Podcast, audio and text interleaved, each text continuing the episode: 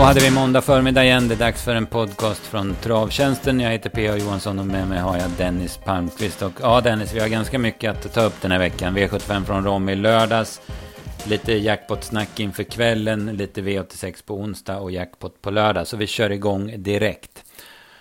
Och vi börjar med V751. Vi börjar med att berätta att Gandalf Jam vann från ledningen. Han fick bestämma och han höll undan. Han var slagen en bit in på upploppet av Digital Literacy men lyckades eh, kontra till seger. Vi tar det först och sen tar vi situationen som var mest omdebatterad sen. Ja, nej, det var ju ett par betrodda som, som försvann direkt, så han fick ju bestämma Jonas till, till 17 första varvet och som du sa så eh, sparade Örjan tussarna på, länge på Digital Literacy och, och ryckte dem och kopplade grepp, men han i alla fall och, bli utkontrad. Mm, ja, precis. Det hade varit lugnast för all diskussion om hon hade hållit undan. Då, ja. Ja. Eh, vi gick kort på första systemet. Vi tyckte det var ett eh, ganska lågklassigt lopp. Och vi tyckte att vi hade två hästar som, som eh, skulle ha bra chans att fixa det. Och det var Kryptonite Hanover och det var Klå. Om vi säger, börjar med Kryptonite Hanover så hamnade han väl någon position för långt bak. Då någon konkurrent som kanske borde ha kört på innerspår gick i andra spår. Sen fick han en ganska trög Olle då framför sig i tredje spår 700 kvar. Så att han, han fick för långt fram. Men samtidigt ska vi inte sticka under stolen med att han var lite sämre än i senaste starten. Det var, inte, var inte riktigt samma tryck den här gången. Ion såg lite mera trög och, och sådär ut. Mm, ja men ja, visst. 11-8 sista tusen det är ju godkänt men inte som han var senast. Sen hade vi med Klo också. Han, eh, ja, men han hoppade direkt. Han gav aldrig Kim chansen att gå iväg. Men sen gör han, han la ju säkert 50 meter på galopp. Sen gör han ett jättebra lopp. Och jag hade 12,5 1900 meter. Och det är väl inget snack om att han hade haft vinstchans felfri i alla fall. Nej, det är riktigt fin, fin häst. Och liten men, men så spänstig och, och blank och fin hela tiden. Så att, ja, det ser, där har de nog lite att åka med, Kim och, mm. och Jenny. Ja, han ser lite klassig ut, trots att som du säger att han är väldigt liten. Eh, men då ska vi ta det här med Gandalf Jam som alltså bryter neråt i stort sett hela loppet och någonstans i mitten av sista sväng eller strax innan mitten på sista sväng hamnar utanför bangränsen, alltså innanför pinnarna som markerar banbegränsningen inåt. Och där är han eh, ja, men i stort sett resten av loppet. Han är väl ute över, över, må, över mållinjen kanske. Men eh, han är innanför pinnarna där i svängen och sen när de kommer in på upploppet så bryter han ner lite till. Och där, då är han ju så långt inne så han springer på banbegränsningspinnarna. Ja. Och eh, Ehm, då finns ju möjligheten för domarna att eh, diskvalificera för att det är inte tillåtet att köra utanför banbegränsningen. Och eh, bedömer man att han har vunnit fördel på det så, så eh, kan man diskvalificera. Men, men det bedömer man ju inte. Sen finns det ju den här varianten att göra en nedflyttning. Men där har ju du förklaringen till varför man inte var inne på den linjen. Ja, för att det kan bara göras om händelsen är på upploppet och de menar på att händelsen börjar i sista sväng och då finns inte den möjligheten längre. Det, ja, Ja, det, det, låter, det låter oerhört korkat reglement i sådana fall säger jag. Så det kan man ju ändra på blixtsnabbt tycker jag. Eh, sen är ju det här att jag vidhåller, och det var vi väl ganska överens om, och de flesta som har debatterat det här var, var väl inne på den linjen att Gandalf Jam vinner så mycket fördel av det här att han vinner loppet. Eller så här, om jag säger så här, han hade förlorat så mycket på det om han skulle ha korrigerats och kört i, innanför bangränsen så att säga. Mm. In, ja, innan, på banan så att han hade förlorat loppet. Det är min bedömning och det är vi väl, väl ganska överens om. Va? Ja, det var ju den, den känslan man hade och det var ju som du nämnde här innan och det var väl många med oss också som inte har, vi, vi hade ingen, för våra spel om man säger så spelade det ingen roll om det var Gandalf eller Digital Literacy som vann så det var inte det utan det var väl mer att det kändes som att det var li lite för, för tydligt och en lite konstig bedömning av domarna. Mm, ja, precis. Eh, ja, jag tycker det, det, var jättekul för jag gillar Jonas Moberg. Jag tycker det är en jäkla bra hästkar och jag har liksom ja, men vi är ungefär jämngamla han och jag. Så jag har ju liksom sett hans resa genom, genom travkarriären. Så att jag gillar honom och ja, men jag tycker han är verkligen är värd den här V75-segern. Så det är inte snack om det. Va? Nej, det gör nog de flesta. Han är otroligt trevlig och, och duktig och, och det var ju kul för honom att, att vinna V75. Det är inte det som diskussionen handlar om, utan Nej. det är mer att det måste nog till någon ändring på reglementet. Mm, ja, precis. Sen så är ju reglementet som det är att eh, det kräver en, eh, en bedömning av domarna om hur hade det här gått om det inte det här hade hänt. Liksom. Det, för det, det är ju, så är det ju givet när det står i reglementet att eh, nedflyttning och diskning inte är en bestraffning utan en resultatkorrigering. Så då måste man ju bedöma om det har påverkat resultatet. Det gör ju det hela svårare, så det kan vi ju vara överens om. Ja. Och det är även det som händer i andra lopp. Om det händer någonting tidigt så ska de då försöka gissa hur hela loppet hade utvecklat sig om det här inte hade, hade hänt, vilket är oftast helt omöjligt. Mm. Nej, men det är ju ofta, det är ju ofta väldigt svårt. Alltså det, det, det kan man inte begära av någon att de ska kunna bedöma. Som om en, ja, men om den inte hade vunnit, om den hade, inte hade blivit nedtryckt på innerspår eller ja, men hej och, ja. Om någon tar benen på någon och den galopperar bort 100 meter och kommer tillbaka och är tvåa, ja men då är det ju inte mm. så svårt. Va? Men, nej, eh, jag kan väl som sagt vad tycka det att eh, det, man, man borde titta över reglementet. Det, det, det, borde på något vis bli klarare regler. Eh, sen, sen kan vi säga det här, det har, det har kommit upp den här debatten igen och den kommer alltid när det är sådana här situationer om proffsdomare.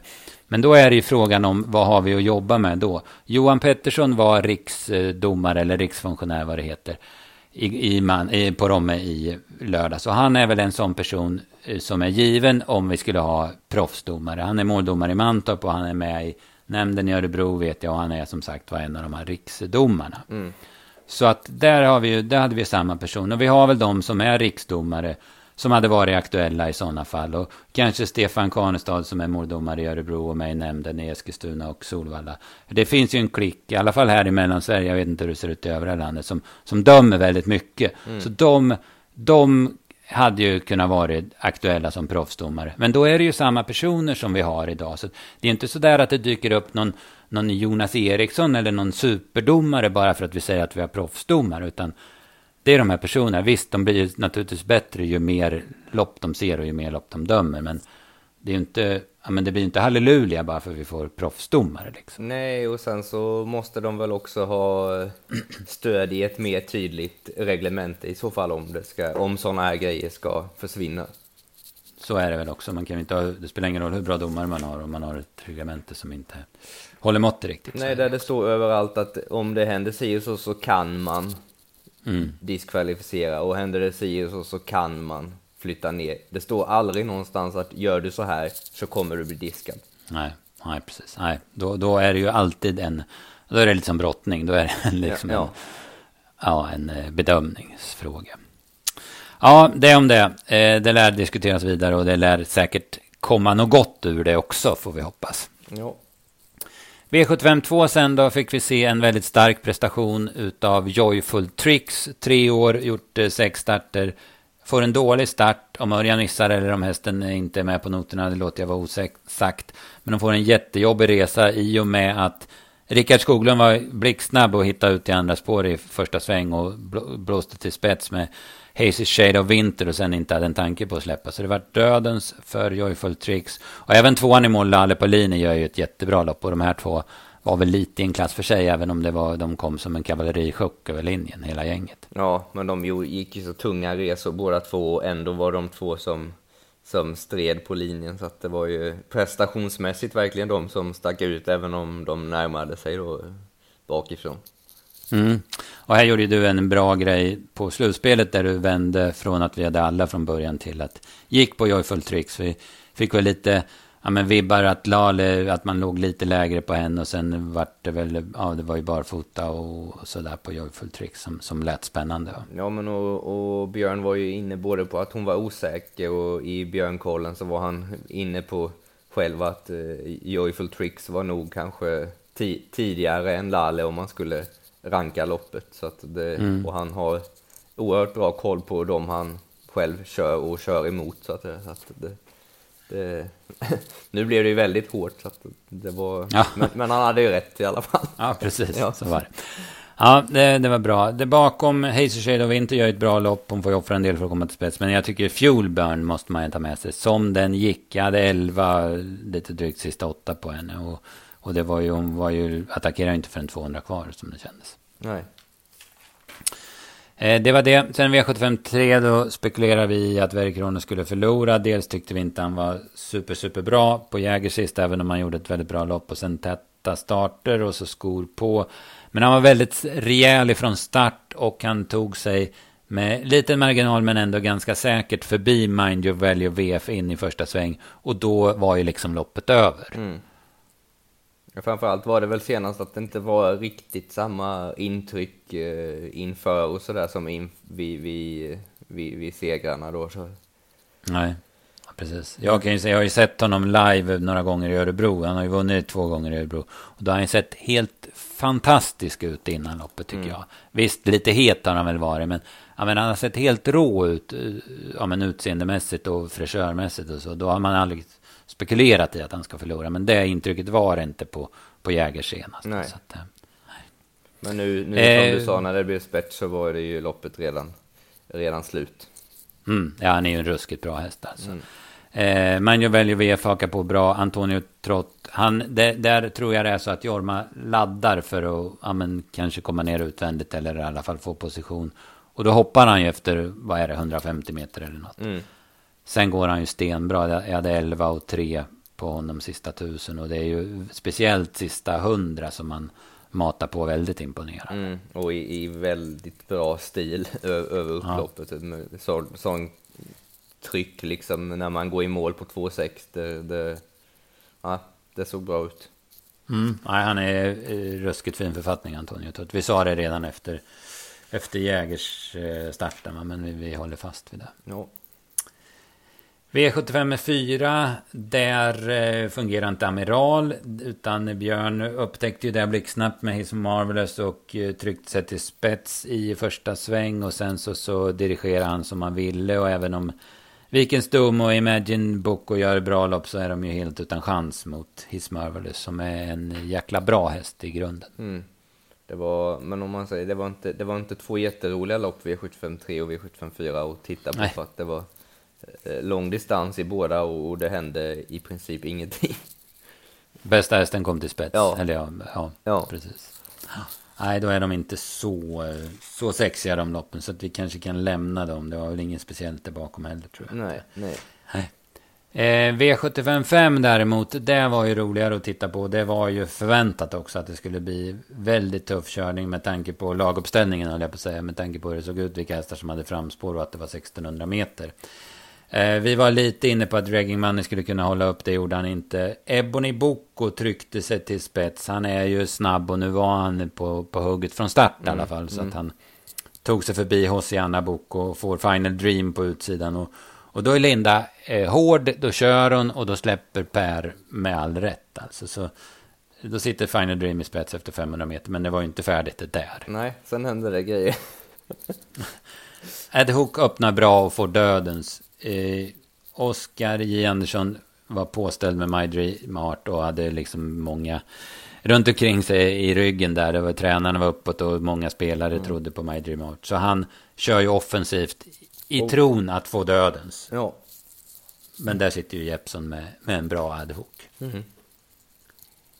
Så det vart ju riktig, riktig kalanka för My Dream Art kan man ju Ja, säga. Då. Det var trespårskörning där i vad det nu kan ha blivit, 700-800 meter och sen, sen så ko- kom Örjan ut och gav sig på i fjärde för, med, med, Ja, precis. med Raining Money var- får komma ner innan, innan sista sväng i tredje spår. Så att det var, ja, det Mm, var körning precis hela loppet igen. Ja, efter tionde första varvet så får alltså Final Dream den där tricken av Raging Money när, Ja, när de ska ta emot honom. Då, då, då går det kanske som fortast i hela loppet där. Sen, sen är han ju stum in på upploppet såklart, Final Dream. Men han strider ju verkligen. Och han, så har han det ju liksom... Ja men det är ju klart, vad ska jag säga, 75 kvar. Men så dyker Island Life upp allra längst ut i banan med en brickspeed. Och Men han lyckas ändå hålla undan och det var väl få som var så förtjänt av en V75-seger i lördag som Final Dream. Ja, vi var väl ganska överens om att insatsmässigt var väl det här eh, lördagens bästa vinnare. Mm, mm. Ja, men tveklöst så var det ju. Eh, Island Life positiv eh, bakom. Ad var ju stenbra bakom. Mm. Och, också, så att, eh, eh Hosiana Boko satt fast. Hon, eh, ja, med framspår är hon alltid intressant. Va? Ja. V75 6 då så eh, höll Gardner Shaw upp spets. Eh, jag hade ju gjort gnuggarna spetsstriden och jag hade lite efter att ha snackat med Pierre Nyström och förstått att han skulle ladda med Riptide RD så hade jag lite, lite känsla av att Riptide skulle ta sig förbi. Men det gjorde han inte. Det är bra att ha spår 1 i Romme. Och Garden Show öppnade väldigt bra också. Sen, sen så var det ganska lugnt och sen var det de två hästarna som man i främsta hand trodde skulle utmana Dream Creation och Oxidizer. De var inte så bra som förväntat. Dream Creation var ju direkt blek och Oxidizer var ju också en besvikelse. Mm. Vi kan väl ta vi, man brukar ju säga att vi vill ha långdistanslopp och det ska hända mycket och så vidare. Men den här lördagen var det helt tvärtom. Det var tre, tre lopp på V75 över långdistans och alla tre var ganska händelsefattiga. Det var samma sak här. Gardner Shaw mm. till spets och mm. fick köra precis hur han ville och sen så vann han enkelt. Ja, precis. 13 första fem och 16 första varvet. Det, det gör ju att det blir ju inget, det blir ju inget långlopp alls utav det. Så. Nej. Men han var fin, Gardner. Han hade studsat tillbaka. Han var ju sjuk i Gävle och blek då när vi trodde stenhårt på honom. Så att vi var väl inne på att dels det här med spetsstriden och sen att, um, att ja, men vi bedömde att det kanske inte är givet att han är på topp direkt, även om det var bra rapporter på honom. Så att, eh, mm. Men där högg vi i sten, där var vi fel ute kan man säga. För han, han vann väldigt lätt och var, och var bra. Ja, och såg, såg fin ut över mål också. Japp. Eh, Frodo S gick bra som trea. Den, om jag inte minns helt fel så är den med på lördag igen. No, det kan man i alla fall notera. Jag såg det också. Mm. Så avslutningen då, där blev det spett på Fangong ZS. Vi var väl ganska övertygade om att det skulle bli så trots allt. Eh, eh, och sen, men sen eh, var han lite het, som jag bedömde det, från sidan så att säga. Mm. Jo, så det, var, det varit lite stumt till slut som man kanske inte trodde när det blev spets enkelt och så vidare. Men det, han la kanske bort lite grann. Mm, han varvar på 12 blankt mm. och sen går... Sen, sen får han lugna sig, lugnar han sig runt stallsvängen. Sen är det körning igen sista mm. 700. Mm. Och han går ju undan säkert för Global Tailwind som ändå får ett bra lopp i ryggledaren. Va? Så det var ju ingen snack om vart, vart segern skulle gå. Men, men, som du säger, lite stumma ben över linjen. Då, mm. Eh, Counterfighter kom ju upp i ryggledaren sista biten och såg jättebra ut. Ja, och Västerbo High Score såg lite trög ut en stund men, men gick vast sen med, när han fick fritt. Mm, ja, den har ju verkligen höjt sig. Det, jag snackade med Röcklingen någon gång, eh, ja det var nog i slutet på sommaren och då sa han, han gör det jättebra den här fast han är en helt vanlig häst. Men nu är han ju inte riktigt där utan nu är han en V75-häst mm, måste man ju mm. säga. Ja, eh, det vart rätt iskallt spelmässigt måste vi säga. 1299 kronor på 7 rätt och 19 på 6 rätt. Men då fick vi ju istället med oss en jackpot i Jägers. Samtidigt så är man ju sådär. Det är inte det här man vill ha. Man vill ju ha sådana där omgångar som Eskilstuna när det bara brakar fram favoriter. Man, ja, ja Nej, men nog när det liksom, vad, vad, hade vi nu, 60 miljoner över det till en ensam och så blir det 1200 kronor på 7 rätt. Det är inte det, det, är inte det man hoppas på. Nej, verkligen inte. Och det är lite som du sa, var inne på, lite tråkiga lopp också. Ja. Så, som det blev. Så. Ja, så är det. Vi ska inte gnälla för mycket. Det, vi ska inte vara bittra, utan det, så var det bara. Vi konstaterar det bara. Ja. Vi får blicka framåt och vi kan börja med att titta på det till ikväll. Då, då är det körs V64 på Mantorp och det vart uh, ingen utdelning på vare sig sex, uh, fem eller fyra rätt i fredags. Så det blir en rejäl jackpot till Mantorp. Och, uh, ja, jag, jag, brukar ju vara på Mantorp så att det, det händer ju. Det har hänt förr. Jag har varit där andra måndagar när det var sådana här enorma potter just på Mantorp. Det kanske är på någon annan bana också som jag inte har tänkt på. Men, men det har hänt förr i alla fall på Mantorp. Mm. Eh, och när det gäller Mantorp så kan vi säga att de håller på att bygga ny banbelysning. Det är ju, det är ju jättebehov av den banan. Men jag tror inte det kommer vara klart till ikväll. Men kanske till till dagen före julafton när de kör V75. Då, så. Ja, uppesittarkvällen. Ja, nej, det, har, det brukar vara mörkt där när det är vintermånader. Mm, så regnar, regnar det ju alltid som det känns. Ja. Kanske inte idag, det ser lite ljusare ut. ja. Eh, ja, ska vi snart säga någonting om den V64-omgången? Vi är in, vare, vare sig du eller jag är inblandade i, i tipsen. Jag ska åka ner och kolla värmningar. Men jag, en grej som jag tänkte på var i den sjätte avdelningen där eh, jag anar att Go West Young Men blir favorit. Det är ju en jäkla bra häst, eh, hemmaplan och så vidare. Men där backar man ju lite. Det blir skor runt om som det är anmält nu och så byter man från amerikansk vagn till, eh, till hybrid. Så det är ju ändå två steg, två grejer som man backar på. Mm. Enrico Ha tyckte jag var jättebra i Skellefteå bakom eh, Verre Kronos näst senast. Så gjorde han ett bra lopp på Valla sist. Han har visserligen spår 7 här nu. Så men men eh, den blir det amerikansk vagn på. Så jag tycker ändå man ska tänka på den om man tippar V64. ja. Vi släpper de tipsen klockan 14.00 kan vi säga också. Mm. Eh, sen har vi V86 på onsdag. Då är eh, eh, Bergsåker och Solvalla. Och eh, jag har tittat på ganska... Jag har tittat en hel del på omgången medan du har riktat in det på andra grejer. Så jag kan väl dra det jag hade om den. Mm. Dels så gör On Track-piraten Monté debut. Det är jättespännande. Jag hörde igår på tv-sändningen från Charlottenlund att han hade tränat ganska bra, gått något 16 jobb och ridit ganska mycket. Men han möter ju ja, men, etablerade montéhästar som Hambo Transair, Galactica, Undercounter med flera med flera. Så det blir ju ingen läggmatch för On Track-piraten i alla Nej, fall. det är riktigt bra monterlopp måste man, det måste vara efter monterlite måste det vara det absolut bästa som har ridits i år. För de Mm, är med all, allihopa utom Ryers Face egentligen av, av de som är riktigt bra i monter. Mm. Ja, men det, är- det är jättebra. Sen körs ett eh, kallblodslopp på Solvalla faktiskt, och inte på Bergsåker. Eh, som heter Werners lopp. Och där är ju den, den grejen som jag tycker är mest spännande hela omgången. Det är att Rolig Eld gör debut för Daniel Redén. Han flyttades ju efter Färjestad-starten där. Han har ju alltså varit den som har varit i närheten av Odd Herakles vid två tillfällen tror jag. En gång i Jarlsberg och tror jag det var och sen en gång på Åby. Men han har hoppat då i matchen båda gångerna. Eh, Han är ju enormt fartfylld rolig eld. Det är ju, det är ju bara Odd Herakles som kan mäta sig med honom i fart. Så det ska ju bli hur spännande som helst att se honom. Ja, Nu möter han ju Tangenhop som är etablerad. Han möter Våler Nikolaj som var jättefin på Umeåker i fredags. Och Vixus som fick stryk på målfoto på Värmö i lördag. Så, så det är inget brödgäng han möter. Men det är, det är i alla fall onsdagens mest spännande häst som jag ser. Ja, om, när man tittar på det här monterloppet och det här kallblodsloppet så kan man inte tro att det är en onsdagkväll i, i andra halvan på november det ska köras. Nej. Det, det, Nej. det ser ut som sommarlopp om man nu ska kalla det för det. Men precis. Ja, och lite stökigt i övrigt kan vi säga den här omgången är att man kör ett amatörlopp på Valla som V86 2. Man kör ett, eh, ett lärlingslopp eller ungdomslopp också som V86 4. Mm. Eh, tror jag det var. Eller V86 6 var kanske det var. Ja, men det var ett i alla fall. Ja.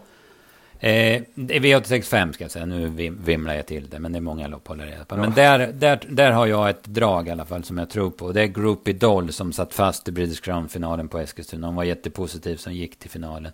Så satt hon fast. Hon fick, kom loss 100 kvar och sköt till bra tycker jag. Jag tror att hon vinner det här loppet eh, faktiskt. Hon har bra läge. Och William Ekberg, han är inte så etablerad som Mats och Mattias Djuse. Men, men han är en duktig kusk William. Så jag tror han fixar det här utan problem. Ja, det känns ofta som hon är lite eh, underskattad, Groupie Doll, men det kan väl också vara att hon har tävlat en hel del i, i, i tuffa gäng som gör att hon, men känns ofta borttappad.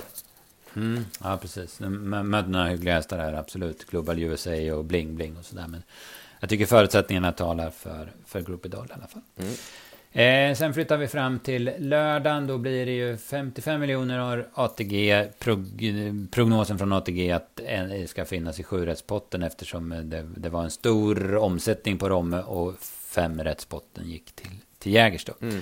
Det är uppfödningslöpningen som körs och eh, eh, där sitter ju efter kvalerna då när, när eh, Svantes hästar svek några av dem och sen är de väl osäkert startande till och med, tror jag. Ja, Eh, det var behöver vi inte gå in på, men- Ja, nu, ja, nu är de borta bara för det, för vi, Nu är när vi började ja. podden var de inte strukna, men nu är de strukna Cool Kronos Mm. och Matchem. Ja, precis. Jag såg någon rubrik om det och förstod väl det på, på de kuskar som var uppsatta. Så att, Ja. Men det är bra att det kom tidigt i alla fall. Men eh, hur som så sitter Per Nordström i förarsätet med, båda försöksvinnarna och en tvåa. Good Vibes som man kör själv. Ailey Mist Sisu som spurtar jättebra och Felix Orlando som var tapper i ledningen då. Så att han ser verkligen bra ut för, för Unges tränare Per Nordström. Ja, det, det ser spännande ut och, och, och fina lägen ju. Så att, ja, det blir mm. intressant lopp. Ja, verkligen. Verkligen. Sen noterar vi också att Diamanten gör debut eh, för nya tränaren Björn Goop i Meadow Profits minne, gulddivisionen där. Också intressant att se vad som händer med honom. Det, eh, ja, jag har inte, har du läst om det är tränarflytt med tanke på en Frankrike-satsning eller hur är det? Ja, det skulle jag väl tro. Jag, tyck, jag har för mig att jag läste något om det. Mm. Så det, det ligger väl i, ja, men och, och tro på det. Mm. Alltså. Sen har vi en del tyska gäster och en del danska gäster och sådär som vi måste sätta oss in i. Som vanligt då det handlar om Jägers. Det är alltid lite, lite spännande med, med nya hästar. Även om de har tävlat i Sverige tidigare så, så kommer de ifrån utlandsstarter. Jo. Mm. Så är det. Det är mycket. Det är en spännande vecka med de här jackpottarna och sen den där roliga V86-omgången på, på, på onsdag. Då. Så det är bara att sätta tänderna i alla tips då Dennis. Jajamän. Det är så bra. Jag hoppas ni har haft en trevlig lyssning så, så hörs vi igen nästa måndag. Hej hej.